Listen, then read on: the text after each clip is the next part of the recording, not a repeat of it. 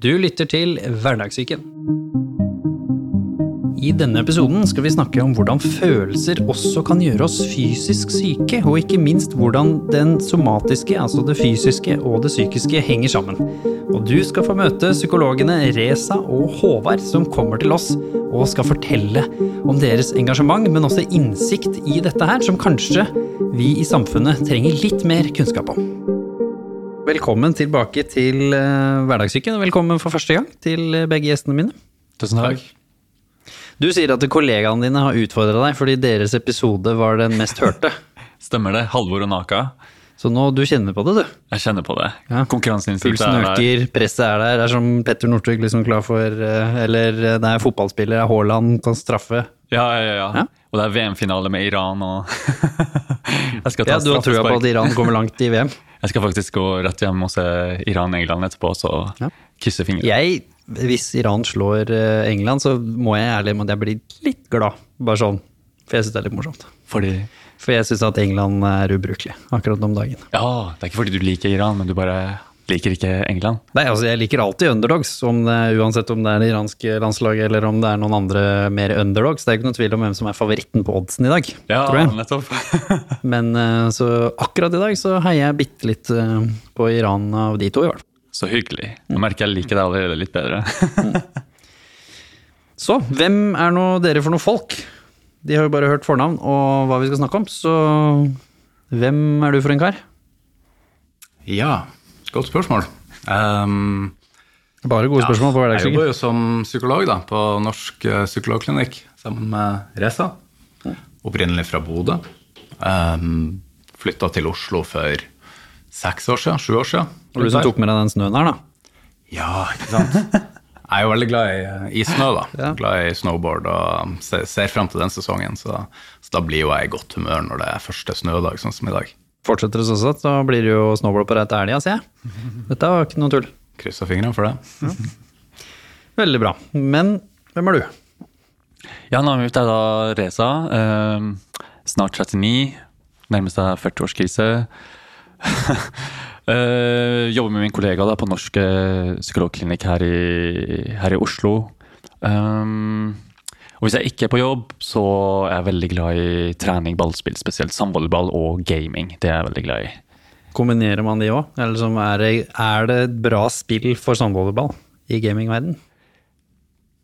Nei, det er vel kanskje svaret. Der, der alle som lager spill, der fikk dere en mulighet. Ja, Dere må lage et bra sandvolleyballspill, Ja. tenker jeg. Mm. Og, men vi stiller alltid litt dypere spørsmål, så hopper jeg tilbake til deg. og Så, du, så kan du tenke, skal du være den heldige som får lov å tenke. Du får ikke lov å tenke, så det er litt sånn Hvorfor begynte du å studere psykologi in the first place? Ja. um, jeg tror det som egentlig gjorde at jeg tok det valget, var at uh, faren min jobba som um, ja, i en bedrift som drev med leder, lederutvikling. Og i den jobben så brukte han sånn personlighetstester som han hadde med hjem. Og som jeg bare leste litt på og ble litt nysgjerrig på. Tok en sånn test. Spennende saker, det, som kid. ja, det var det. Eller det, det var nok mer i 15-årsalderen da, at jeg gjorde det. Eh, Så jeg ble fascinert over det, og eh, det var nok det som vippa meg inn på, på at jeg skulle studere psykologi, tror jeg. Eh, Samtidig så er det jo eh, litt det familie, altså den retninga familien min gjerne har vært i. da, altså mm, Morfaren min, mormora mi, begge de jobba i psykiatrien som sykepleiere i Bodø. Um, så det var liksom det Ja, det bare passa seg sånn, rett og slett.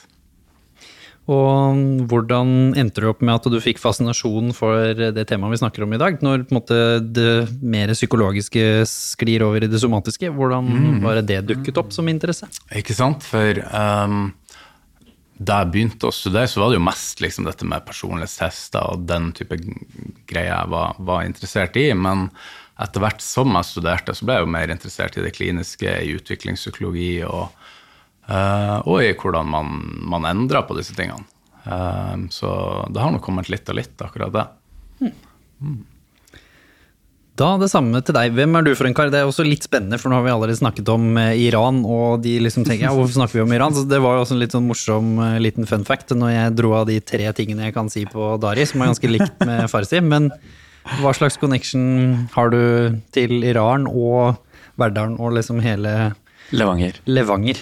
Det, var, det er viktig. Det er Jeg, stor, jeg, vi- tenkte, jeg vet ikke hvorfor jeg tenkte på lottovinnerne. Det er, liksom, det er, alltid, det er alltid lottovinnerne som kommer opp når det er ute av familien min er fra Trondheim by, skjønner du. Ja, Snakka ikke så mye som de som bodde utafor, skjønner du. Ja, ja, ja, ja, nettopp. Men spørsmålet var hvordan er connectionen min til Iran og sånn? Ja, og, Ja. og generelt, på en måte. Hvem er du? Ja, et godt spørsmål. Så eh, det er egentlig veldig lang historie, men jeg og søstera mi kom til Norge tidlig på 90-tallet fordi foreldrene våre var politisk aktive i Iran. Og de kunne ikke ta vare på oss, så vi ble ført til Norge og har oppvokst i et uh, iransk adoptivhjem på Levanger. Så det er der jeg liksom er oppvokst. Og min uh, inngangsport på psykologi var egentlig litt sånn kronglete, fordi rett etter videregående så begynte jeg på sivilingeniør, fysikk og matematikk. Jeg er egentlig veldig glad i realfag og fysikk og matte og kjemi og sånn. Eh, men når jeg kom til fjerde året, når det er femårig studie, så opplevde jeg en eller annen form for hva skal jeg kalle det, identitetskrise av at åh, er det dette her jeg skal jobbe med resten av livet? Å sitte og programmere og eh, jobbe med det eh, resten av livet. Eh, så jeg hoppet av. Og så begynte jeg å finne ut ok, hva har jeg lyst til å studere. Eh, og da fant jeg psykologi, men til og med inngangsporten der var at jeg hadde lyst til å kombinere psykologi med forskning. Dvs. Si bruke mattekunnskapene mine. Også gjennom å snakke med noen veiledere på eh, Psykologisk institutt i Trondheim, så fikk jeg tips om at du kommer til å bli en mye bedre forsker også hvis du går først i profesjonsstudiet klinisk. Så det var min inngangsport. Det var gjennom studiet at jeg begynte å bli veldig interessert i både mine og andres tanker og følelser og eh, det å jobbe klinisk. da. Er Ganske modig å hoppe av i fjerde året, må jeg si. Takk for det. Det, det er ikke mange som tør. For da er det lett å tenke at ja ja, nå sitter jeg med begge beina i gjørma, så nå kan jeg like så godt stå og løpe. Det er veldig modig. Hva var det som gjorde at du faktisk turte å gjøre det? Det må ha vært press både fra medstudenter og folk rundt deg og venner og bare sånn Her skal du hoppe av fjerde året? Er det Ja. rakna for deg, på en måte? Du, det, er, det er helt riktig. Også både fra lærere og fra studenter, og egentlig litt fra meg selv også, så var det stort press om å fullføre. Um, og jeg vet ikke helt hvor jeg fikk um, det gutset og modigheten til å gjøre det, men jeg har alltid vært veldig opptatt av at um, jobb og det jeg skal jobbe med, skal være meningsfullt. Og når jeg begynner å se at det ikke er så meningsfullt lenger, så kan jeg finne liksom det guts eller motivasjonen meg selv til å hoppe av. Men det var følelsesmessig veldig veldig krevende det året der. Men eh, nå angrer jeg ikke i det hele tatt. Både fordi jeg gjør noe som jeg virkelig elsker å brenne for, men også at det ble inngangsporten min til også å eh, bli kjent med meg selv og gå i egen terapi og få det rett og slett mye bedre med meg selv. da. Så hvis det er noen som hører på nå, som står liksom langt inn i studiet og har den der 'dette er egentlig kanskje ikke helt det jeg har lyst til å gjøre', men som har den naturlige redselen, så anbefaler du dem rett og slett å faktisk vurdere å gjøre det. Hvis de virkelig, som deg, da, mener at det, det er noe annet de skal drive med. Ja, absolutt. I hvert fall hvis de har den stemmen som sier av at det er noe annet som på en måte finnes, som gjør de mer lykkelige, det, er det mer meningsfullt å jobbe med, så vil jeg si det er absolutt verdt det, og det var det i hvert fall for min del. da. Og det er jo ikke sånn at man ikke får brukt det, som du sier. Du sier jo at liksom selv, altså all den kunnskapen som du har lært på den linja der, kan du jo ta med deg i hvert fall noe av det inn i den andre. Det regner med du bruker jo mye av de tingene som du fikk med deg der i dag uansett, til andre ting i jobben nå også, nå som du er noen år inn i jobben. Ja, ikke sant. Um, De kunnskapene om kjemi og fysikk og matte får nok ikke direkte brukt, men jeg får nok brukt den evnen til å lete etter logiske sammenhenger, og lete etter ting som på en måte gir mening, lete etter mønstre, som også gjør at den retningen vi på en måte studerer, da, eh, og prøver å hjelpe folk med, det gir veldig mening for meg, for det appellerer veldig til den logiske sansen min, og hvordan ting kan henge sammen logisk. da. Eh, Og derav noe av det temaet vi skal snakke om i dag, da, hvordan følelser kan også føre til eh, at folk kan bli fysisk syke. Han forsto meg Å slippe folk ordentlig inn. Følelser inneholder egentlig flere komponenter. Vi har det jo best når vi klarer å fungere godt sammen med andre mennesker. Dette er Hverdagssyken, podkasten hvor vi sammen med fageksperter og mennesker med levd erfaring tar for oss de tabubelagte temaene og psykisk helse i hverdagen.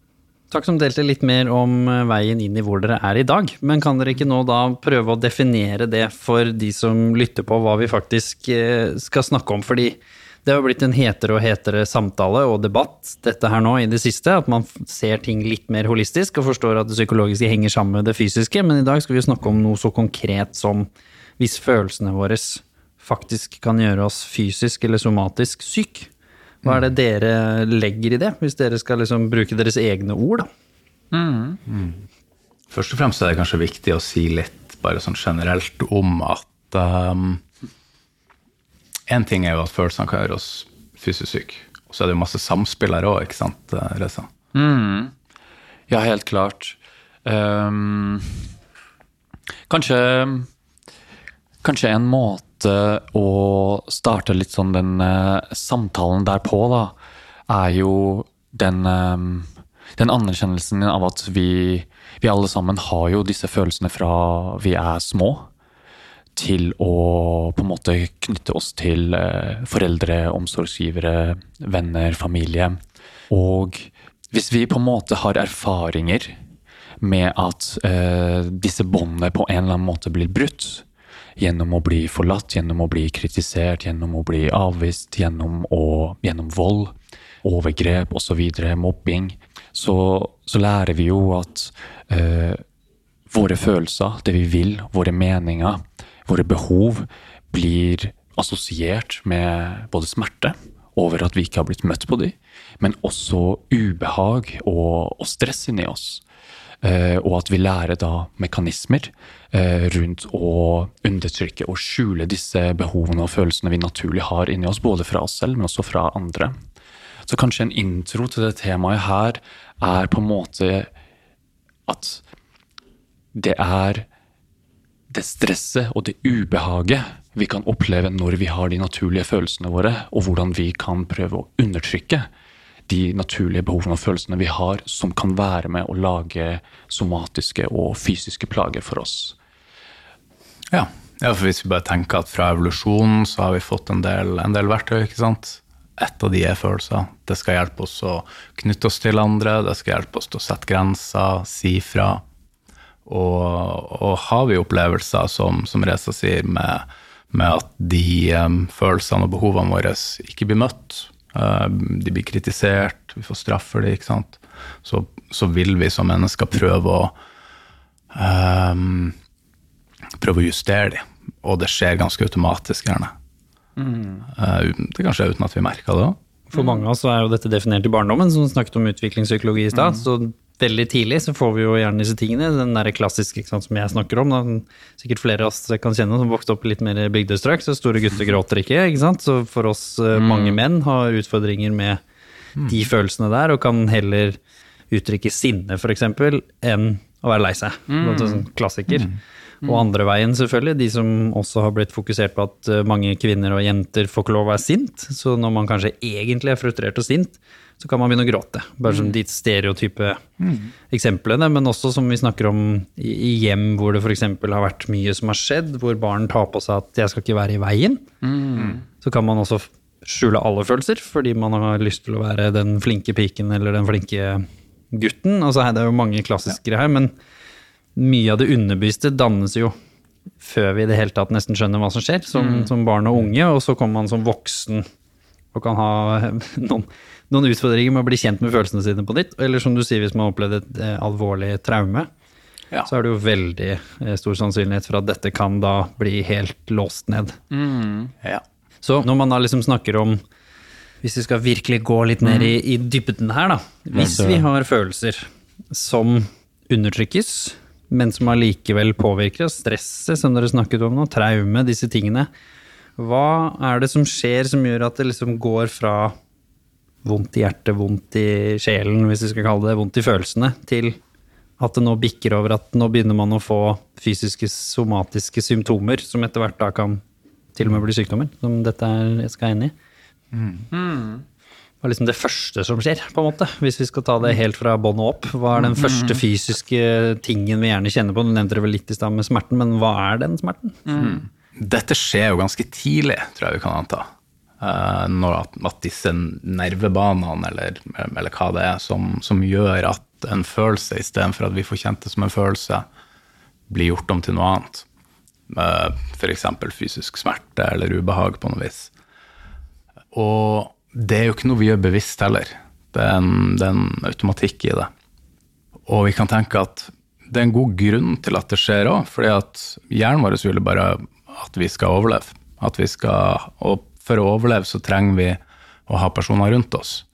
Og hvis de ikke tåler behovene og følelsene våre, så finner vi en måte å altså, Da ser det ut som at kroppen rett og slett gjør noe annet. Den, den, den justerer følelsene om til noe annet.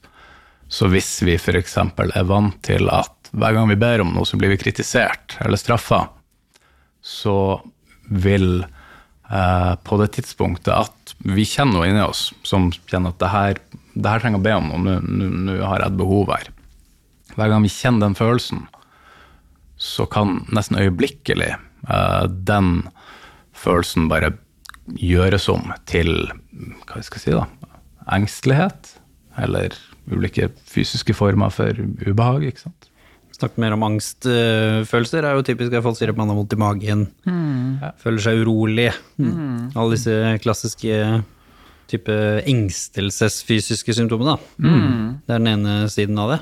Ja. Har du en annen side av det? Ja, den, og de engstelsessymptomene kan vi jo kanskje dele inn i tre kategorier.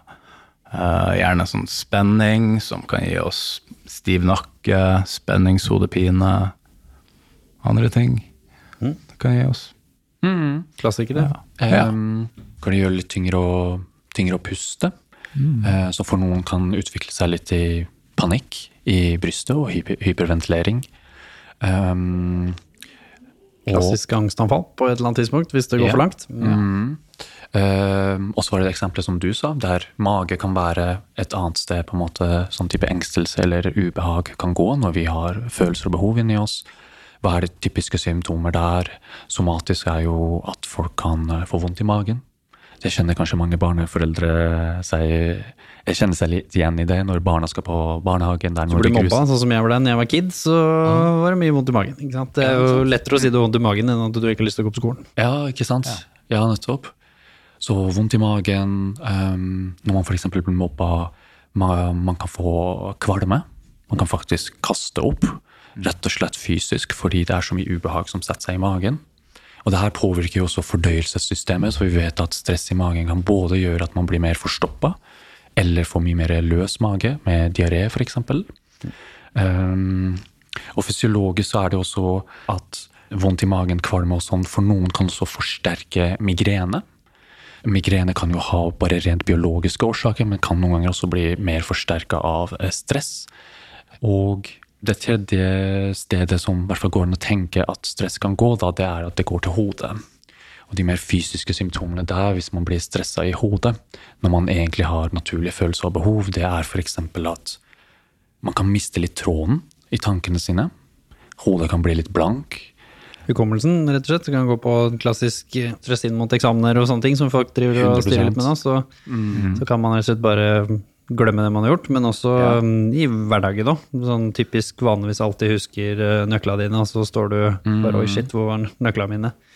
Eller en samtale du hadde for to minutter siden, så husker du faktisk ikke hva som ble sagt. Ja, nettopp. Mm. Det er ulike måter på, på en måte stress som påvirker, påvirker hodet. Og noen kan ha det også nesten motsatt. Istedenfor at de på en måte glemmer eller blir blanke i hodet og mister tråden, så er det at de får litt tankekjør. Så du får liksom mange tanker på en gang, som også påvirker veldig hukommelsen. Det er vanskelig å sette seg ned og lese noe, fordi tankene hele tida springer litt sånn av gårde. Og det her kan også på en måte øke og skape ekstra symptomer som at folk kan føle seg litt sånn svimmel. eh, Litt sånn ør. Um, Synet kan påvirkes. Uklart syn, tåkete syn. Hørselen òg. hørselen også. Mm. Stress sånn med gammel piping i øra, og det er ikke sant, milde, milde former for uh, tinnitus og sånne type ting. Det er ikke kronisk, men at man kan få kortvarig piping i øra, det har jeg kjent på sjøl, må jeg innrømme. Når det har vært litt, eh, gått litt hardt for seg, så, så kan man jo kjenne at det kan pipe i øra, og at eh, man kanskje føler seg litt, ikke liksom svimmel sånn som i form av at det er ille, men den der lille svimmelheten, som er den der som er ubehagelig, for det er jo ingen som liker å være litt svimmel. Ja, Ja. Som kan komme av rett og slett bare overarbeid, stress, tanker, frustrasjon. Ting som, som plager følelsene. Mm. Ja, nettopp. Og det tror jeg er mange som kan eh, kjenne seg igjen på en eller annen, på en eller annen måte. Mm.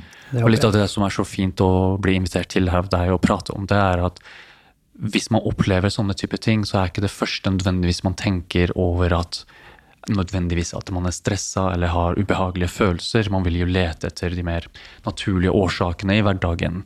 Det kan handle om søvn, det kan være noe man har spist, det kan være allergier osv. Så, kanskje jeg tror også det var en fin ting vi snakka om litt om i forkant, at det er viktig også på en måte bare si litt sånn i starten her også at alle de symptomene vi gjennomgikk nå, som kan være ulike måter for stress, det kan også på en måte påvirkes eller være eksklusivt bare pga. fysiske årsaker. Sånn at eh, det vi gjør på en måte i terapi, hvis folk kommer med sånn type symptomer for oss, er at i utgangspunktet så vet vi ikke hvorvidt det er fysiske årsaker, eller om det er psykiske årsaker til det. Så det vi gjør i samtaler for å finne ut, eventuelt utelukke at det er eh, psykiske eller eh, følelsesmessige årsaker, det er at vi rett og slett har samtaler med folk. Der vi snakker om livene deres og hvor skoen trykker.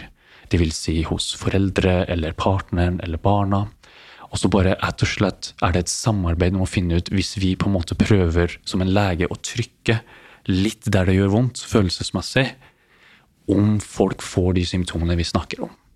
Og hvis vi ser et mønster der her gjentar seg, så kan vi begynne å lage en idé at jo, det virker som om hver gang vi nærmer oss de og de følelsene, Så skjer det noe. så skjer det noe som skaper ubehag og fysiske symptomer. Skal snakke litt mer om hvordan dere løser det, holdt jeg på å si etterpå. Men er ikke liksom dette noe en del av problemet, da? Både at uh, hvis du ser på symptomer på en måte for mild depresjon, for mild angst, for uh, stress, for liksom alle disse mildere psykiske eh, utfordringene vi har, så er de ganske like. Det er ganske mange av dem som går litt overens. Og hvis du da kaster på et par fysiske sykdommer oppå toppen av det, som på en måte har akkurat de samme symptomene, så begynner dette her å bli litt sånn kompleks for, for vanlige folk, som du sier. Hvor det er litt sånn Sover jeg dårlig?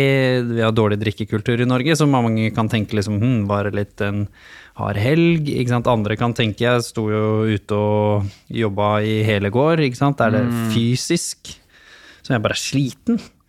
Så blir man litt sånn at det er liksom lett å, å surre seg litt bort, da. Sherlock Holmes' eget liv er ikke så lett. Men er det også en sånn underliggende sannhet, stigma, skam knytta til at vi ofte ender opp med å tro at det er fysisk først? Hvorfor, hvorfor er det sånn i det norske samfunnet? Jeg kjenner ikke mange som går til fastlegen og sier du, jeg har litt mye tanker i huet, det er litt mye press på jobben, så jeg tror det er derfor jeg har vondt i skulderen.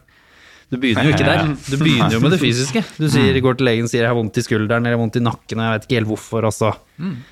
Hvorfor begynner vi alltid liksom med det fysiske? Si det. Jeg vet ikke hvor, hvor bredt kjent det er i kulturen at uh, følelser setter seg, eller kan sette seg i kroppen. Jeg tror det er litt sånn Vi er ikke helt lært opp til å tenke at det er, en, er noe som kan skje. Er det? Er dere lært opp til det? I det hele tatt? Jeg føler at fagstanden, også psykologer, det er ikke sånn at uh, det er første gang vi har hatt dette temaet, for å si det sånn. Selv om det er mange som selvfølgelig har vært innom det med Silje Reme og andre som liksom forsker på disse litt mer dramatiske, hvordan fysisk og psykisk henger sammen. Men dette er den første generelle episoden vi har hatt om det. Ja. Så er det begynner allerede der? På studiet deres var det liksom noen som sa det den første dagen dere kom inn? Bare sånn ja, husk, fysikken og psyken hører sammen. Tenker altså, ideelt sett så, så er jo dette noe man uh, kunne ha blitt informert om da, kanskje allerede på barneskolen i ulike fag. At man kunne, ja, på en eller annen måte, en eller annen form for sånn ja, god folkeopplysning allerede da. For det er ikke liksom anerkjent i psykologiverdenen heller, føler jeg. At det, selvfølgelig, det er jo ikke det at man ikke vet det, men det er jo ikke sånn at uh, verken leger eller psykologer helt tar den naturlige tråden med en gang. For det føler jo at begge de to studiene også Altså det somatiske studiet, selv om det har selvfølgelig blitt eh, bedre med årene, kanskje nå, men det er jo ikke stort fokus der på at mange av de samme symptomene som dere kan møte på som fastlege, kan kanskje være psykologisk, eller at dere som psykologer kan møte på en del ting som faktisk kan være fysiologisk. Kan bare være sliten, man jobber for mye. Altså, Det kommer psykiske ting fra det òg, men at det kanskje starter med at man rett og slett bare gjør for mye. Og så Derfor kommer jeg til dere med tankekjør og bekymringer og dårlig selvbilde. Ja. føler at den veggen er fortsatt litt oppe mellom dere og leger. Hvordan er det dere føler på det sjøl? Du, du delte jo på klinikken vår en sånn fin artikkel med en sånn um, firekategorismodell. Ja, ikke sant. Eh, der man kunne liksom tenke litt og sortere litt. Ja, ikke sant. Kunne ikke den vært litt, vært litt ålreit og delt, bare for å få litt sånn Ja, jeg tror først at det er et uh, veldig godt poeng du tar opp. Jeg tror nok det har eh, til og med den dag i dag er et gap mellom på en måte somatikken og eh, det, det psykiske. Um, og eh, det er noe som eh, de aller fleste av oss vil kjenne oss igjen. Altså liksom i kulturen og måten vi har dratt opp på. Hvis det er fysiske vondter, så vondt i magen, som du nevnte. eh, hvis man er anspent, hvis man går rundt og føler seg litt sånn småsvimmel så er det ikke sånn, det første man har blitt møtt med, er 'hvordan har du det'? Du blir jo møtt med å gå og ta en Paracet, og til alle som hører på, da, vi kan fortelle dere at du får ikke mindre vondt i følelsen av å ta en Paracet. Det funker det ikke mot. Ikke sant? det gjør det ikke. Fordi det er, jo, det er jo den kulturen vi på en måte er litt mer i, da. For å tulle litt med det. Og så har man vondt i magen, så ikke sant, er det Paracet, eller man går for eh, eplemos og saltkjeks for å gå liksom bakover i tid, for de som husker sånt. Men man tenker jo ikke at det kanskje kan bare være at jeg bekymrer meg litt, på en måte. Ja, Eller at det er litt mye nå. Sånn Eplemosten og saltkjeksen vil jo fungere, for da får man jo litt omsorg. Og det kan jo være ålreit. selvomsorg, ja, og at du kanskje faktisk valgte å være hjemme, så det kan funke allikevel. Men som vi sier, liksom Det er noe manglende kunnskapsbase i befolkningen generelt. Men det er også en manglende kanskje kunnskapsbase også i fagfolkene. Ikke det at man ikke kan dette, men det er ikke liksom tydelig nok forankra at disse tingene på en måte henger såpass tett sammen, da, spesielt i midten der. Når vi snakker om liksom milde til moderate ting. Knytta opp mot milde til moderate ting i somatikken, så, så er det ganske mye høyre og venstre slalåmbane mellom fysikk og, og følelser. Ja, helt Sånn klart. Og det er en kritikk som er ganske berettiget eh, mot eh, fagfeltet og oss, oss som fagpersoner. Og når vi skulle diskutere i forkant hva slags tema vi hadde lyst til å ta opp, så var dette her litt av kjernen av hvorfor vi valgte akkurat dette temaet her. At dette her er et tema som rett og slett både vi som fagfolk, men også på en måte populasjonen generelt, eh, har litt godt av å på en måte være litt mer tenke oss litt mer om hvordan disse tingene her henger sammen. Og som på mange måter jeg tenker er en mye mer krevende ting å gjøre enn å forstå folks fysiske symptomer som fysiske årsaker, der du kan bare gi en Paracet eller gi en eller annen behandling for det. Fordi det krever faktisk å sette seg ned sammen med folk og ordentlig undersøke hvordan har du det. Hva har du opplevd, og hvordan har du det egentlig inni deg med alle de tingene som har skjedd? For nå har vi jo bare snakket om de milde tingene. Det som er viktig for episoden her òg, hvis man har disse milde tingene, men de man ikke lytter til de. Man går til fysioterapeut, man tar Paracet, man fortsetter å kjøre på, man, og så snakker vi her nå år, liksom, hvor man har gjort det samme. Så går jo de symptomene over fra å ha litt vondt i magen til å ha fordøyelsesproblemer. Eller å ha litt vondt i skuldrene til å ha kroniske leddproblemer. Altså disse tingene som vi snakket om i stad, spesielt stress, men som jeg kommer fra toppidrettsverdenen, så er det liksom Stress og spenninger er vi gode på, holdt jeg på å si, bare fordi vi pushet jo kroppen vår hardt. Så vi visste jo hva det førte til. Og da ser man jo at liksom Alle vet jo at hvis vi har stress, så blir vi anspent, og liksom alle disse tingene. Er du anspent over tid, helt sånn logisk sett, så vil musklene bli drit misfornøyd, og da får du kroniske utfordringer etter hvert, som da setter seg. Som når du endelig går til legen med de, kan bli tolket som her har man kroniske fysiske utfordringer, gå til fysioterapeut, løsner opp i de.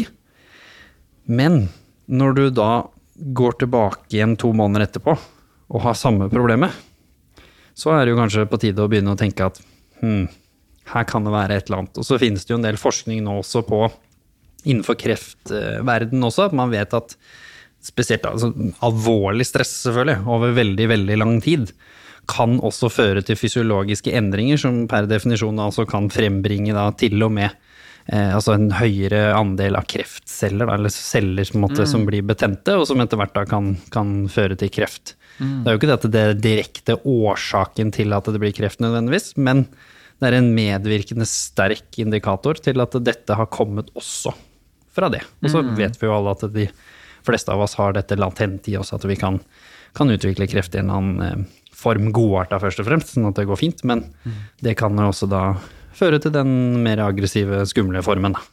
For å dramatisere litt. Så her har vi liksom hele spekteret. Vi snakker ikke bare om de milde tingene.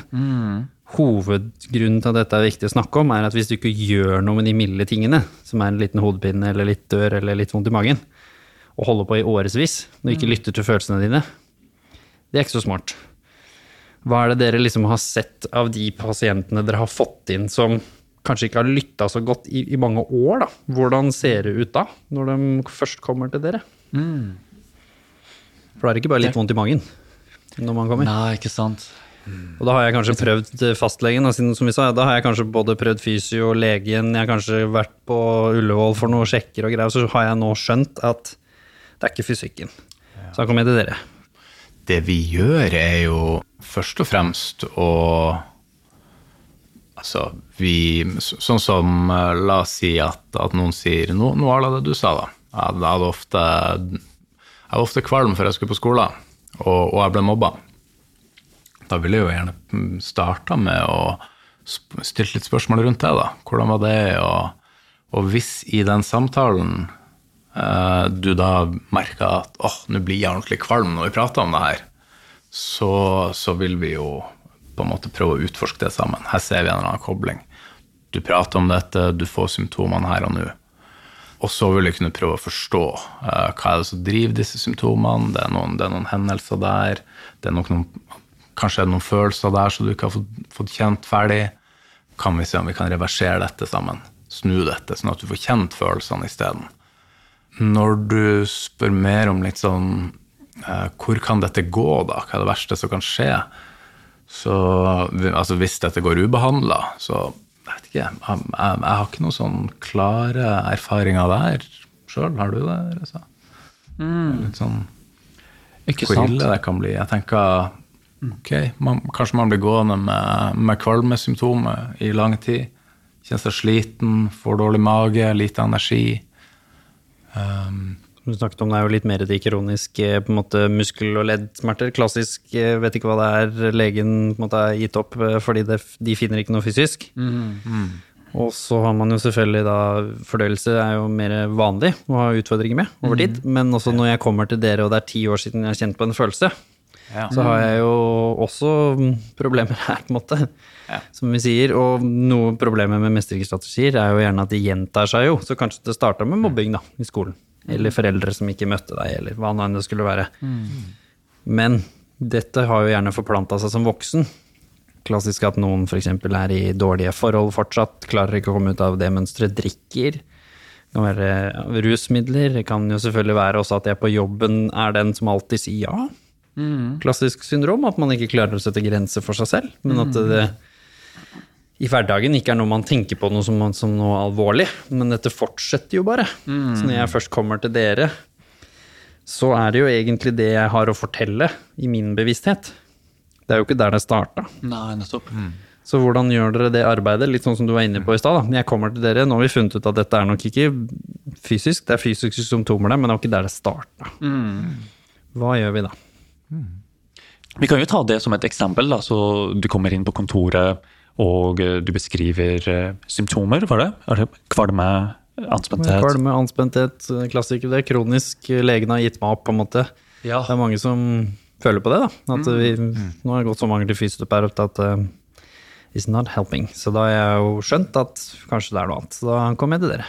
Ja, og um, litt sånn som vi snakka om i stad, i utgangspunktet når du kommer med de symptomene, så eh, vet vi ikke vi heller hvorvidt det er fysiske eller psykiske årsaker. Så det vi trenger å gjøre da, er å få til et samarbeid der vi kan på en måte begynne å trykke litt på følelsesknappene dine.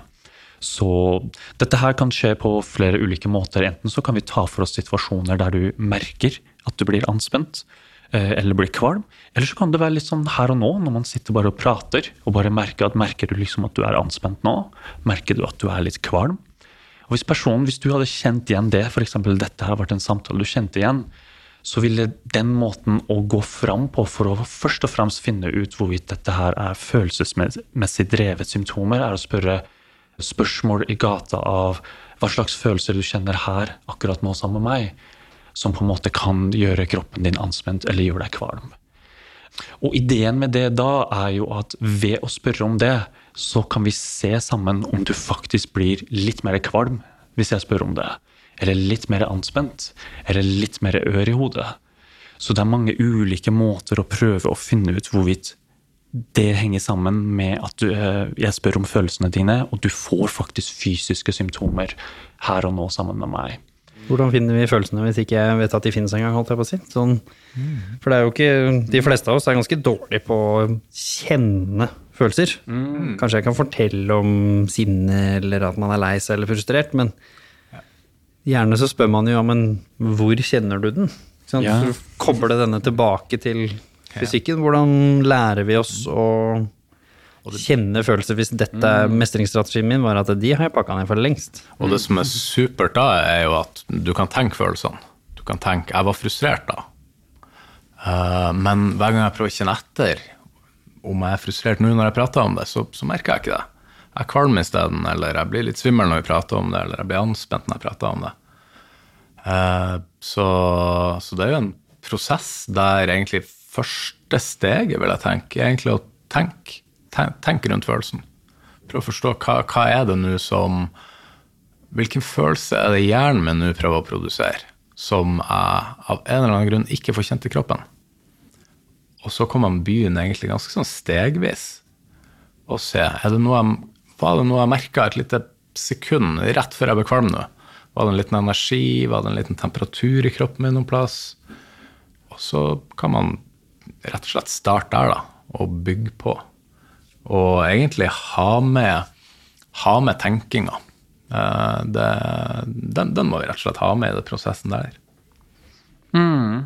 En ting som også er um, nyttig i denne um, sammenhengen, da, er jo at uh, på akkurat samme måte som eh, stress og ubehag kan være fysisk og sette seg i kroppen, så har jo også ulike følelser inni oss eh, litt ulike eh, fysiske avtrykk.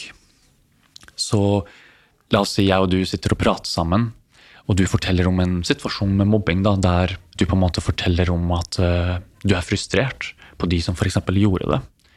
Så en ting som er veldig vanskelig for folk, som har pakka det veldig mye inn, det er at de etter hvert mister kontakten med hvordan de kjenner følelser som frustrasjon rundt når de har blitt mobba, versus alle de ulike måtene de pakker inn det på.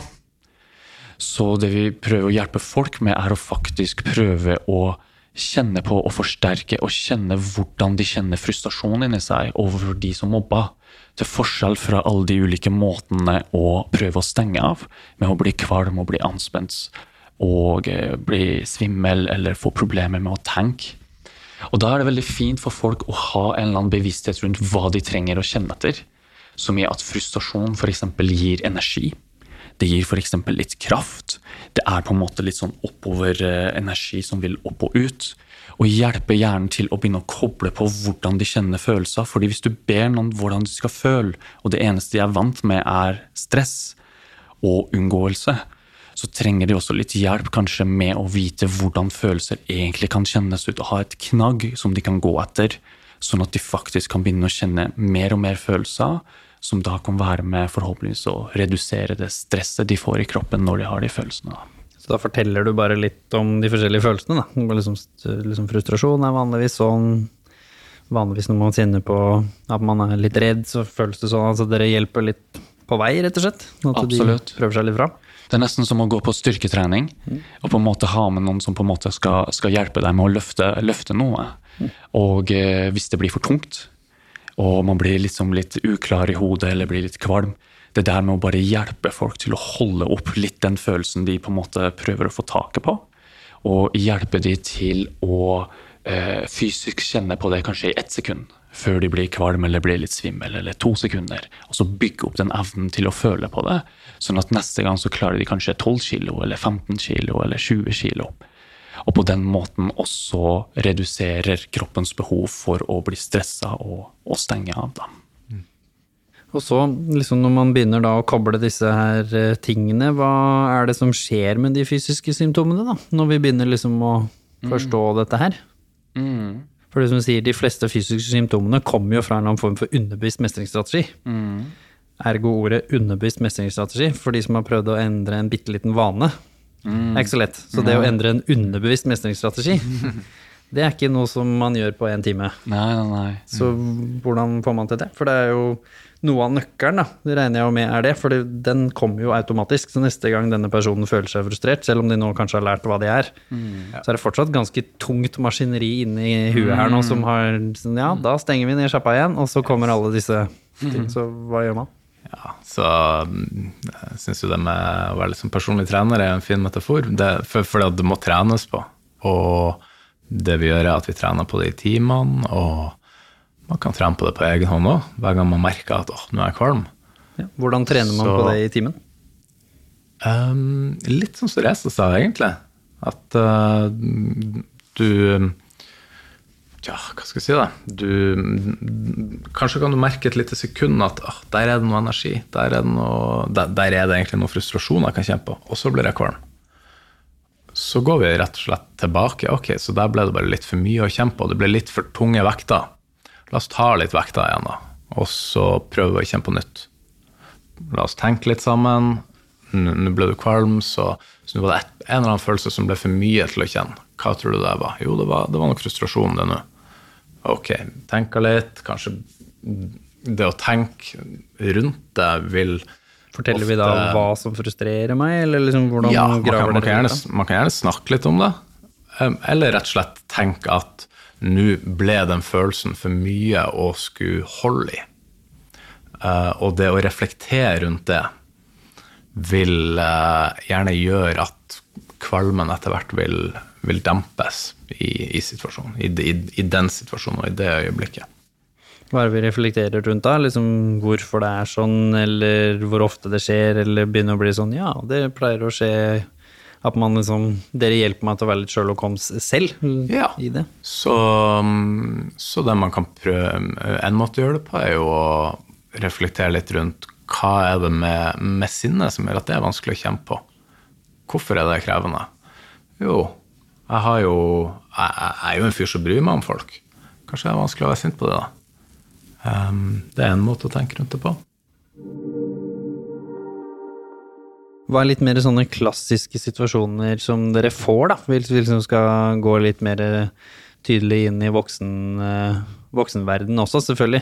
Som vi sier, mye av disse tingene kommer og startet i barne- og tenåra, men de fleste av oss kommer jo ikke inn med den forståelsen, så vi må på en måte begynne med lag én.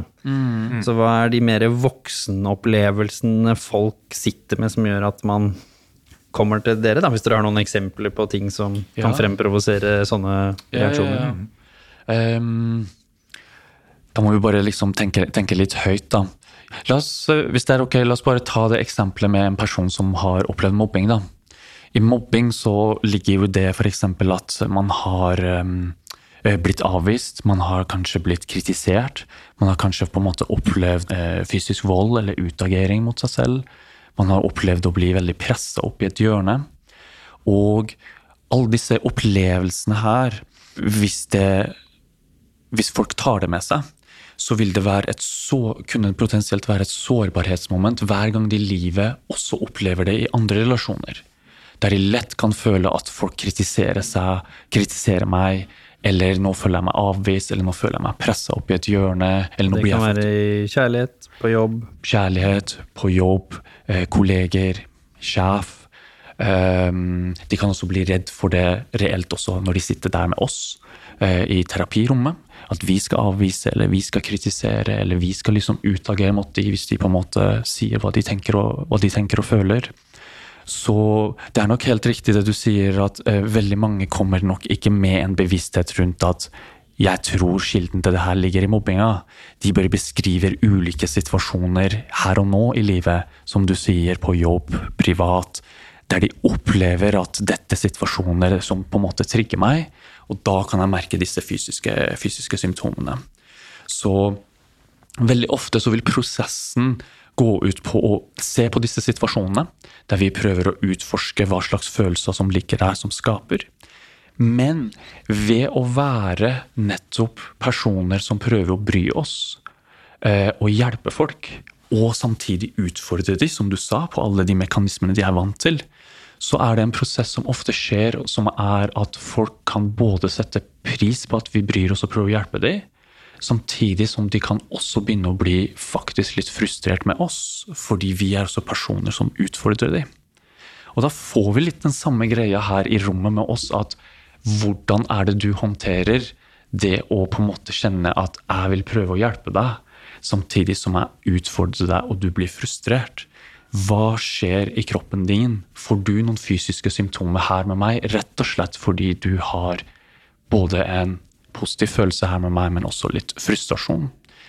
Hvis vi på en måte ser at du faktisk blir litt kvalm, eller får problemer med å tenke, eller faktisk begynner å føle litt den mobbetendensen at nå presser jeg deg, nå pusher jeg deg opp i en hjørne, så kan vi bruke også den muligheten der til å hjelpe deg til å kunne få lov å kjenne frustrasjon her og nå sammen med meg. Til å kunne få lov å ha litt energi, litt varme, litt frustrasjon, og kjenne det oppover i kroppen din. Som en måte å løfte opp den følelsen, og dermed hjelpe deg til igjen å bygge opp evnen til å føle og kommunisere de følelsene med meg, sånn at du slipper å bli kvalm, og forhåpentligvis også få mindre tåkesyn eller de andre symptomene oppi hodet. da. Så lære seg å stå i følelsen, men også anerkjenne hva den er. Det er to aspekter her. Én ting er å stå i følelsen, men hjernen vår har jo utviklet en form for regulering av følelser av en grunn. på en måte. Hvis de bare bobler over hele tiden, så blir det jo kaos. Så den der blandingen mellom å ikke undertrykke de, men å kjenne de altså, Vi har jo snakket ganske mye om på hverdagssyken at den enkle måten vi ser på følelser på, er at følelser er informasjon. Det er som du sa så fint i stad også. Det er jo noe som prøver å fortelles her. Det er et behov du har, eller noe som ikke blir møtt, eller et eller annet. Så hvis jeg lærer meg å kjenne frustrasjon, eller lære meg å kjenne at man er lei meg, da, to vanlige følelser, så kommer jo også den neste steget som er sånn ja, men hva, hva er det jeg vil, på en måte? Det, for det, du snakker jo til deg selv, på en måte, inni huet. Hva er det de følelsene vil? Ja, ja, ja. For det er jo ikke noe gærent i å være litt frustrert eller litt lei seg eller litt skuffa eller hva det skal være innimellom. Altså alle voksne mennesker kommer til å være frustrert på et eller annet tidspunkt. Mm. I løpet av til og med en uke, vil jeg påstå. For det, er bare sånn det er. Hvis du interagerer med andre vesener, så blir det frustrasjon. ikke sant? Trikken er forsinka, bussen er forsinka, sjefen hører ikke etter, altså kidsa dine er vanskelige, kler ikke på seg. Altså. Nettopp. Det er jo alltid et eller annet. Ja. Hver dag. Podkastgjestene dine er litt vanskelige. Eller nei, i dette tilfellet hvor noen bestemmer seg for å demontere hele bygget omtrent når vi skal spille inn podkast. Så det er jo alltid noe som fører til frustrasjon. Absolutt. Men her snakker vi jo om da når, man, når mestringsstrategien har blitt en usunn måte å håndtere den følelsen på, som gir meg fysiske symptomer som nå er plagsom. Så da må vi liksom, det er jo noen steg her, så når vi liksom finner ut at ok, det var psyken som gjorde det, nå er følelsen der, jeg forstår den litt bedre, jeg har øvd litt sammen med dere, hva gjør vi nå? Fordi dette løser seg jo ikke bare fordi jeg skjønner hva følelsen er. Jeg må jo også klare å møte den følelsen på et eller annet vis, ellers så kommer den jo bare tilbake. Ja, den vil komme tilbake.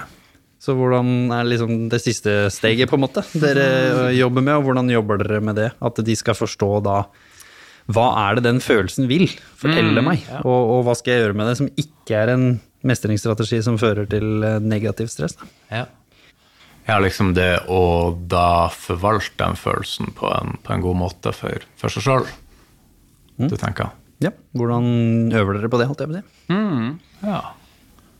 Hvis du skulle tatt den enkle, enkle veien, da, så ville det vært å stille akkurat det samme spørsmålet du stilte litt sånn tilbake. Til dem, ja. Hva kan du gjøre? Hvis du er frustrert, da. Vi har en samtale, vi prøver å være på lag, men så er det et eller annet som blir liksom Jeg utfordrer deg, det blir litt vanskelig, du kjenner du blir litt frustrert. Hva kjennes det som den frustrasjonen vil si, hvis den kunne på en måte si noe, da? Skjønner du hva jeg mener? Det, det var liksom bare å be folk om å tenke behovet, hva ja. har de lyst til å uttrykke her sammen med meg? Og hvis folk er vant igjen med å skjule det og undertrykke det, så kan de der også få litt fysiske symptomer. Kanskje det blir litt kvalm igjen, kanskje det blir litt tåkete. Men det er bare bare å holde opp, da. Begge de to, og det at folk har litt frustrasjon, litt energi, de kan faktisk føle. Men også på en måte spørre hva kjennes det som frustrasjon har lyst til å si til meg, da, f.eks. Hvis du kunne bare putte det ut i ord. Siden du er fagperson og psykolog, så tenker jeg ja ja, dette går fint, skal ikke møte deg etterpå. Så da For det er jo en litt lavere terskel i det rommet for å kanskje være ærlig, enn hvis du var samboeren eller en nære kollega eller For det er jo en grunn til at vi går rundt og er redd for å si det frustrasjonen sier. For det er jo lov å si at frustrasjon er ikke objektiv. Mm. Det er gjerne et subjektivt lag eller to. Sant? Så det er jo grunn til at vi er redd for det òg. Hvis du på en måte plumper ut et eller annet til en kollega eller samboeren din i frustrasjon. Spesielt hvis den er eh, ligget og sovet under teppet ganske lenge. Så kan det hende at det kommer ganske mye med den som ikke er helt berettiga, er det vel lov å si. Så det å øve da hos dere, som jeg i utgangspunktet i hvert fall ikke burde ha veldig masse negative underbygde følelser mot, så kan jo det være en sunn måte å se at eh, ja, jeg er frustrert fordi du tråkker over grensene mine hele tiden. Jeg sa jo at jeg ikke likte å snakke om dette, kan jeg si til dere. Og så blir man litt sånn, ja, stemmer. Det kan jo stemme. Og så føler jeg at sjefen min gjør det hele tida. Ja. Ikke? Men så kan jo kanskje neste steget da være ja, men hvordan sier man det til sjefen sin på en objektiv måte? Ja. Og tar litt sånn selvansvar, fordi det er jo veldig ofte at vi det, det var sånn tuller litt med at psykologer er tankelesere noen ganger, og psykologer er jo ikke tankelesere, og det er i hvert fall ikke vanlige mennesker tankelesere. Så det er jo ofte at vi tror, spesielt hvis det er samboere, nære kollegaer, nære venner, folk som kjenner oss veldig godt, så tror vi jo jo, men dette vet du. Dette gjør du med vilje, ikke sant? Du vet jo at jeg er sånn som alltid sier ja, ikke sant? Eller du vet jo at jeg alltid er sånn som ditt og datt. Men så glemmer vi litt noen ganger at vi mennesker er jo fascinerende opptatt av oss selv. Så i den samtalen så, det, så går jo ikke jeg og tenker at ja, ikke sant, jeg vet at du ikke liker dette her, nå skal jeg trykke på den knappen. Det er veldig få som Da er du ganske utspekulert uh, trollperson. Jeg kjenner ikke så mange sånne. Så hvordan hjelper dere dem å kanskje for du sa dere utfordrer, å sette ting bitte litt i perspektiv, og kanskje da hjelpe dem til en bitte liten løsning. da. Å sette grenser med en samboer, eller snakke med en sjef, eller Ja. der hvor problemet ligger. Og det å i tillegg gjøre det på en måte som er god for en sjøl, da. Der man ikke setter en grense eller er for altså, tydelig på en måte der man i etterkant bare vil ha det veldig vondt fordi man sa fra for strengt, eller man var for hard, eller det kommer ut på en måte som man rett og slett ikke er komfortabel med. Det er jo en utfordring, da. Ja. Um, jeg synes også det er et veldig godt spørsmål du stiller der, fordi hvis, vi, hvis, du, hvis du tenker da, hvis vi hadde øvd oss her sammen, og du hadde vært en pasient her, der du kan både uttrykke frustrasjonen din hvis du kjenner åh, jeg sa du tråkker på mine grenser, eller pusher meg litt der, eller noe sånt. Og hvis vi fortsatt har liksom den gode tonen mellom oss, så holder vi jo opp to ting. Da. Det ene er liksom den gode følelsen mellom oss, og det andre er å få lov å bare si fra at noe blir utfordrende, eller jeg tråkker på dine grenser. Og det er vel kanskje det som på en måte er så utfordring med en, med en partner eller med en sjef. Den ene fallgruven er jo at man på en måte svelger unna frustrasjon og undertrykker det, og da blir det mer stress og fysiske symptomer. Den andre fallgruven det er å ha den frustrasjonen, og så skal man uttrykke det til sjefen eller kjæresten. Men så glemmer man å holde kontakten med også den delen som bryr seg om den personen. Som egentlig ikke har lyst til å, ha, har lyst til å såre. Så da blir det plutselig litt komplisert, for da er det ikke bare én følelse vi driver og øver på, som er å ha frustrasjon. Det er å ha frustrasjon, men også klare å kjenne og kommunisere det her på en måte som gjør det for mottakeren mulighet for å ta imot det og på en måte forstå deg. For det skal jo være et formål her. Formålet var jo ikke at jeg skal spy ut av skillebøtte og tenke at eh, det er sånn som på film, at den personen bare sier 'nei, men gud, det visste jeg ikke, beklager', altså. Nei, nei, nei, da skal jeg gjøre endringer her. Så, sånn er faktisk bare på film. Fordi stort sett så har jo den sjefen eller den samboeren eller den personen et annet bilde igjen. Så med en gang du kommer med dette her, så kan det jo hende at de i utgangspunktet kanskje ikke er helt enig. Hvor de liksom sier 'hva snakker du om, grenser'? Ikke sant, du skulle bare visst eller Så det er jo ikke alltid man blir møtt på den liksom overforståelsesfulle måten heller. Kanskje spesielt hvis man uttrykker frustrasjon. For det er sjelden det kommer ut på en sånn veldig hyggelig måte, stort sett. Så det er jo også det fine der med å forstå oss selv som litt mer komplekse enn svart-hvitt også. Ja. Fordi jeg tror det er mange av oss som sliter litt med å, å se at det, som du sa så fint, da. Selv om du er frustrert på noen, så kan du jo være veldig glad i de. Jeg vil jo til og med påstå at de vi er mest glad i, er det ofte lettest å bli litt frustrert på, fordi du gjerne står veldig tett på dem, og det skal lite til. Og selvfølgelig, det er jo de du omgås mest, så det er jo sjelden du blir veldig frustrert på en du ser én gang i livet. på en måte. Da må det være noe ille.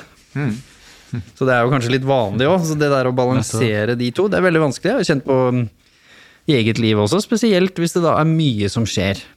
Og som kanskje er litt sliten. Ikke sant? Når det har vært to år med pandemi, det er mange av oss som av forskjellige grunner har enten måttet jobbet veldig hardt, eller jobbet mye, eller har vært lærer og barnevakt og alt om hverandre, samtidig som du skal ha en vanlig jobb.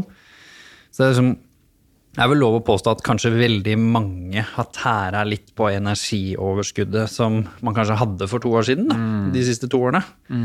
Så jeg tror at dette er liksom litt ekstra vanskelig nå om dagen. For det er jo ikke noe tvil om at det påvirker oss å være litt sånn båndsliten, som vi kaller det fra bygda, der jeg kommer fra. Altså båndpanna på en bil, ikke sant. Altså, Du er sliten i det laget som ikke det hjelper med en spahelg. Eller det hjelper ikke bare å sove tre netter på rad, og så er det ordna seg. Du er, du er sliten litt lenger ned. Det kommer kanskje til å ta et halvt år, et år med litt sunne og gode rutiner før det slipper tak igjen. Da.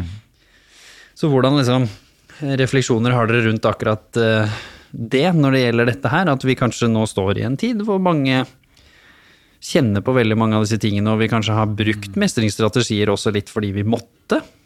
Fordi vi ble jo fortalt at det var sånn det måtte gjøres. Så uansett om man var enig eller ikke, så var det jo stort sett eh, tvang på den eh, sjappa der. Så det er jo mange av oss som har undertrykt følelser i denne konteksten de siste to årene. Kanskje mer enn vi måtte. Ja. Og måtte finne oss i ting som kanskje ikke passer oss så godt, om det er hjemmekontor eller passe på kidsa, eller ikke ha kidsa, eller ikke få lov å dra ut, eller hva det nå var. Ja. Så hva slags refleksjoner har dere rundt at dette kanskje er mer aktuelt enn noen gang? Å tenke på dette her? Ja, for til en viss grad så kan det jo være litt, litt nyttig, da. Hvis man er stuck inne på ei lita leilighet sammen med samboer og barn, og, og ting er ganske frustrerende. Tri- Triggere skjer, ikke sant. Eh, til en viss grad så er det jo litt fint at man da kan ta frustrasjonen og heller bare konvertere den til kvalme. Det er jo noe nyttig med det.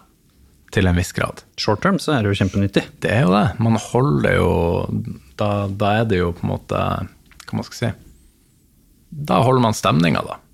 Kan ha rukket stemning i heimen i, Slipper å bli slutt. i disse årene under pandemien, da. Ja. Um, men, uh, men det går jo utover magen din, og det kan jo gå utover energinivået ditt òg. Så, um, så det å mer kunne trene på å finne en balanse der man kan da holde på en følelse av trøkk og frustrasjon sammen, som, som Reza sier, sammen med liksom de gode følelsene og, og, og omsorgen, og at man rett og slett får holdt de, begge delene oppe. Um, og da mer kanskje som følelser enn som nødvendigvis handlinger. Det må jo ikke alltid handles på. Man kan jo bare kjenne det som, som noe Eller bare og bare. Det, det, det er jo nettopp det det ikke er. Det er jo ikke bare bare, men, Men det er hakket er bedre å i hvert fall da. kjenne på den, Ja. enn å undertrykke den og bare tenke jeg har vondt i magen. Men også anerkjenne at jeg har vondt i magen fordi jeg er frustrert. ja. Det er i hvert fall ett steg bedre. Helt klart. Ja, nettopp. For de stegene der er jo også for noen som kan oppleve da, at ikke sant, um, disse følelsene vi går rundt inni oss sjøl overfor de personene vi er glad i, enten om vi har blitt såra eller er frustrert. Når vi trykker under og ikke vil kjenne eller forholde oss til det, så kan det bli symptomer. Men det øker også sjansen hele tida for at det flipper litt andre veien. At det plutselig kjennes ut som om nå er jeg så lei av å holde alt det her inne, at nå er det Bare si det. Hva sa du? Ja, så smeller det. Mm. Ja, nettopp. Det kommer alt ut. Da Det er kommer plutselig alt ut. Det kommer noe godt ut av det. For da er det kanskje litt godt der og da å endelig få lov å liksom åpne den slusa og gi den andre all den frustrasjonen over hvor mye man har blitt kritisert og pusha og avvist og hele pakka der ut. Men da har man jo mista litt taket i den godfølelsen for den andre, da. Hvor det er for den andre å motta det, og hva blir konsekvensene hvis jeg bare spyr ut alt det negative i en jafs, og så forstår ikke den andre hvor det her plutselig kom fra engang. Da kan det jo på en måte bli et lite trøkk på den relasjonen som man står i der, da. Så det å prøve å bare være bevisst på de følelsene og på en måte kjenne og uttrykke de når de skjer, er også litt sånn forebyggende mot både å få fysiske symptomer, men også mot at det bygger seg opp, og behovet for å bare utagere en frustrasjon verbalt, også ende opp med å skade relasjonen. For det er jo litt sånn fascinerende med eldre mennesker. Jeg vet ikke liksom hvor mye dere har jobba med de, men liksom hvis eh, når du klokker Gamle som oss, eller? Eller Nei, du- du, er ungfole i den sammenhengen her. Du liksom klokker forbi 60, da. Liksom typisk besteforeldra våre, eller oldeforeldra våre, enda mer. Liksom alltid opplevd de som er eldre som litt sånn fascinerende på det elementet her. Ikke nødvendigvis at de var de beste til å uttrykke følelsene sine, men de var kanskje litt flinkere til å uttrykke behov, og litt mindre filter. Som barn har vi ikke filtre i det hele tatt, og så syr vi på oss masse sånne voksenfilter, som er sånn det kan du si, det kan du ikke si, det kan du si i den konteksten, men ikke den. Altså liksom begynner vi å kåle det til noe voldsomt. Mye spilleregler. Og så blir du gammel, og så blir det sånn Dette gidder jeg ikke. Og så liksom, pakker du ned noen av de igjen, og så er det litt sånn at du er litt mer ærlig, da, kanskje. Sant? Når noen står og lager middag, og du bare sånn, vet du hva, jeg liker faktisk ikke det der. Nå er det fjerde dagen på rad vi har eh, den middagen her. Er sånn, nå, nå går vi og tar takeaway, ikke sant. Det du aldri hadde sagt når du var 25 i en ny en relasjon. Så den der kanskje tanken med å øve litt på å være litt sånn 65 pluss. Fordi hvis man gjør det litt, og klarer å tulle litt med det også, som du sier, tidlig, så får du lufta det litt, samtidig som du anerkjenner at noen følelser er meningen at du skal svelge litt. Altså, du skal ikke bare vandre rundt og tenke at jorda surrer rundt ditt eget hue, for det gjør den jo ikke. Så hvis alle uttrykker det de føler til en konstant hele tiden, så blir det ganske intenst på jorda, vil jeg påstå. Vil liksom alle føles stakkars barn. Altså de som hvis foreldre alltid skulle uttrykke følelsene sine overfor barna, så hadde det blitt tøff oppvekst. Tenk deg hvis vi alle sammen gjorde det her. Nei, det Hadde det ikke vært en litt vanskelig podkast å følge med på? det hadde vært en røff start, i hvert fall. Jeg hadde mye følelser i stad med både gudene veit hva som skjedde rundt oss her, når vi skulle prøve å starte. Men, men utfordringen er jo hvis du long term gjør det. Sant? Så hvis man da skal øve litt, som jeg sier, og leke litt 65 pluss, så, så kan kanskje noen sånne enkle øvelser være at man da tør å uttrykke behovene sine litt grann. Uten å såre den andre, for det er ikke nødvendigvis det som er målet. Du sier, I dag har jeg faktisk lyst til å spise dette, selv om du vanligvis aldri sier hva som er til middag. Fordi vi er ikke så svart-hvite igjen. Du trenger ikke å føle at du har lyst på å bestemme hva det skal være til middag hver dag, men det er lov å gjøre det en gang i uka. Fordi hvis du aldri gjør det, så kan det hende at om to år så kommer den samtalen hvor jeg får aldri lov å bestemme middag. Ikke sant? Altså, helt uberettiga, egentlig. Og det samme på, på jobben. Ikke sant? Det er lov å være den som sier ja. Lytt godt etter nå, alle ja-mennesker. 80% av tiden. Du må ikke være 100. Fordi du mister ikke statusen som den snille, hjelpsomme som du kanskje ønsker å være. Fordi om du sier nei 20 Jeg har øvd litt på det, det er ganske vanskelig som leder. Selvfølgelig, for jeg ønsker jo å hjelpe til. Og så vet jeg jo at noen ganger så kommer det jo et spørsmål, så hvis jeg sier at jeg kan ikke, så stopper noe. Ikke sant? Da vet jeg at da kanskje de ikke kan ta det videre frem til jeg har svart på dette her, eller at de venter på noe fra meg. Ja. Men sånn som i dag, så hadde jeg et par episoder, eller hendelser på morgenen i dag. Det var sånne småting de spurte, var liksom hun ene bare ja, har du tid til et kvarters møte en eller annen gang i løpet av dagen? Hun andre har du tid til ti minutter? Og så var jeg sånn Nei, det har jeg faktisk ikke. Men jeg har jo ikke lyst til å si det. Nei. Jeg føler jo nå at det går rett inn i min liksom, følelse fra barndommen om at liksom Dårlig sjef, stiller ikke opp, hva tenker de om meg nå? Hvis jeg sier nei, ja, men det er jo bare ti minutter, burde ikke jeg kunne ofre eller gi det? Det, er, det er vanskelig. Men så har jeg liksom øvd litt mye på det i det siste, og bare si nei, jeg kan faktisk ikke ti minutter i dag. Men jeg kan få det til i morgen, eller sånn, er det noen andre som faktisk kan svare på det samme? Fordi da plutselig var hun ene Den ene løste seg med at hun ene sa jeg kan faktisk spørre han andre. Sa hun selv. Så hvis jeg ikke hadde sagt nei, så hadde ikke jeg visst at hun kunne ha prøvd en annen kollega. For det ville ikke gitt henne muligheten til å tenke det som et alternativ. For hun spurte meg sikkert fordi jeg satt der. Det var lettest å spørre. Så det var ikke at hun gikk med en intensjon om å plage meg, på en måte. Det var jo en god intensjon.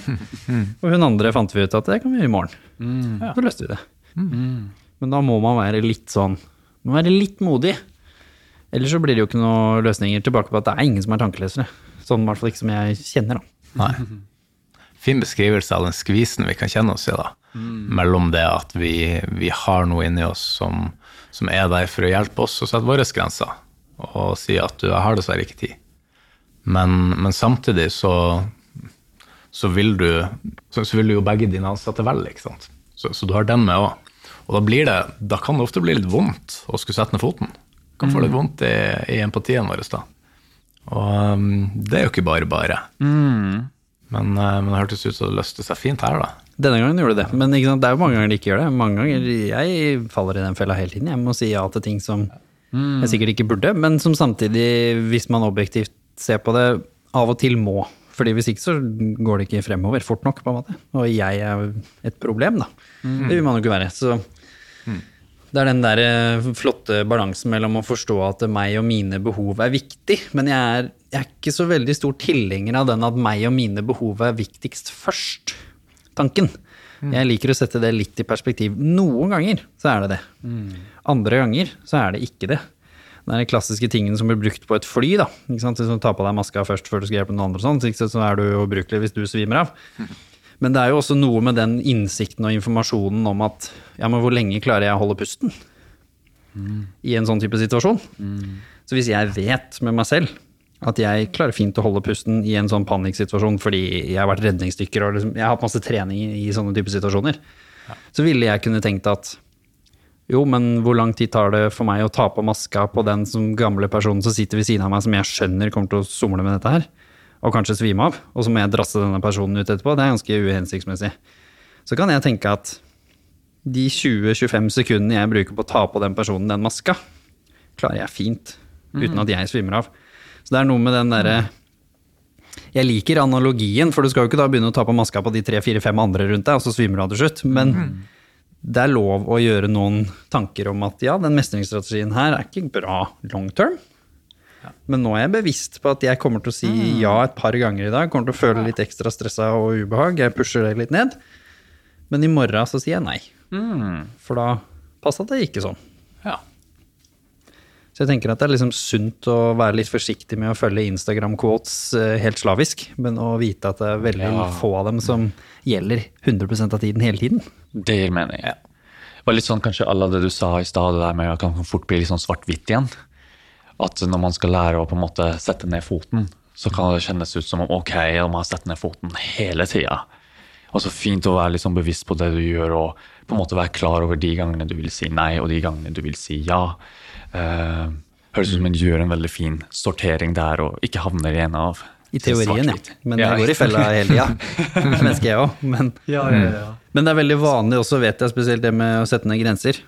At når det først skjer, så gjør man det gjerne ganske mye i starten. Hvis man er liksom 20-25-30-40 år uten å sette ned foten. ja, ja. så blir du veldig glad i det. Det kan jo også, må man jo huske da, oppleves av de rundt deg som ganske tøft.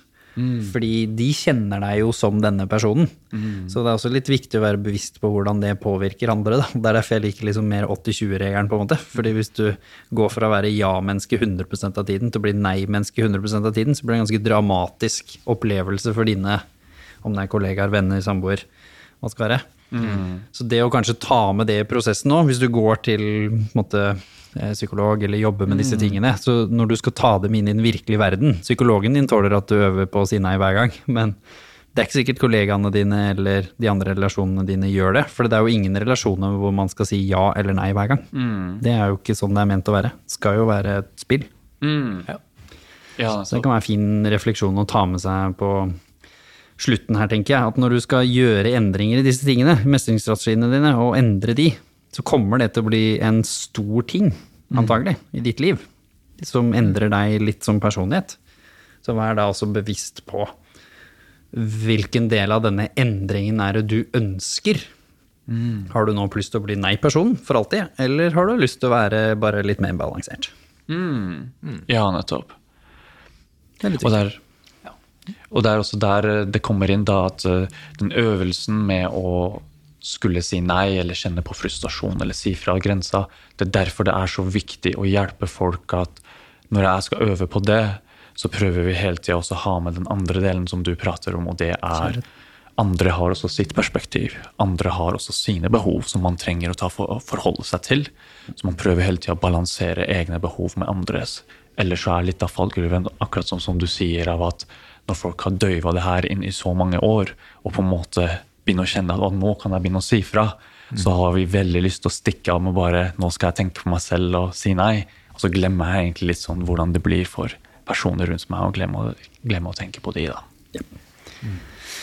Hvis dere skal runde av med litt sånn eh, siste refleksjon og lærdom her, eh, hva skulle det vært? Hvis dere liksom skal lande med, med én ting som dere tenker at eh, det er greit at folk tenker på når det gjelder akkurat eh, den flotte samspillet mellom somatikken eller det fysiske og det psykologiske følelsesmessige?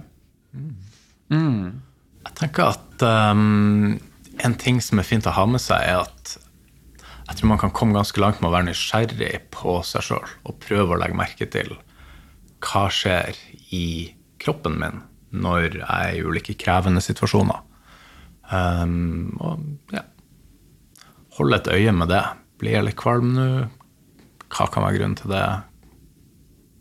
Ja, nysgjerrig. Nysgjerrighet. Um, støtter, deg litt i det, spesielt hvis man har en del eh, fysiske plager, da. Eh, der man har gjentatte ganger også gått til lege, fastlege, undersøkelser, man ikke finner noe. Så det, kan det noen ganger være veldig nyttig enten på egen hånd, da, men det er som vi snakka om i løpet av podkasten, er ganske krevende å gjøre på egen hånd, men å eventuelt søke en psykolog eller en eh, profesjonell som kan hjelpe deg å nøste litt opp i kan det være følelsesmessige grunner til at du har de fysiske plagene, og hjelpe deg nettopp til å nøste opp i det og hjelpe deg å reversere den prosessen til at uh, du kan bli mer klar over dine egne behov og følelser og håndtere de på en god måte i relasjon med andre, som du, som du sier hjemme i løpet av podkasten. Og til forhåpentligvis å se om det kan hjelpe på de fysiske plagene som, som du får av det. da. Helt enig, og jeg tenker også at det er fint at vi bare alle sammen fortsetter å anerkjenne at vi er eh, mennesker. Så selv om vi snakker om disse tingene nå på det, liksom, den gode måten om hvordan man skal håndtere det, så betyr jo ikke det at vi ikke feiler og tråkker i salaten og gjør disse tingene. Og det er heller ikke noe galt i å ha disse mestringsstrategiene som kan føre til fysiske symptomer short term, fordi de har sin plass. De er jo der av en grunn. Men det er på en måte det vi snakker om her, som ikke er bra, det er hvis det blir din nye måte å håndtere frustrasjon på, er å undertrykke det og få vondt i magen. Da er det ikke bra over tid. For den informasjonen trenger du da til et eller annet. Ja. Mm. Tusen hjertelig takk for at dere kom, begge to. Takk for at vi Ja, kom. takk for at vi fikk komme. Tusen hjertelig takk til alle som hører på. Det er viktig å fortsette å dele, engasjere seg og skrive litt hva dere syns om denne her. Kanskje litt som tanker om hva dere kjente dere igjen i, eller om dere har noen eh, tanker eller refleksjoner om hvordan man kan møte en følelse som er blitt undertrykt. Det er jo alltid spennende. Og send gjerne forslag til eh, nye episoder, hvem vi skal snakke med, eller hva vi skal snakke om. Og ikke minst skriv gjerne en liten review inne på enten Apple eller eh, da Spotify, fordi det hjelper dere også nå enda flere mennesker. Så hvis du skal gjøre en liten ting for oss i dag, så er det å skrive en liten review. Tusen hjertelig takk.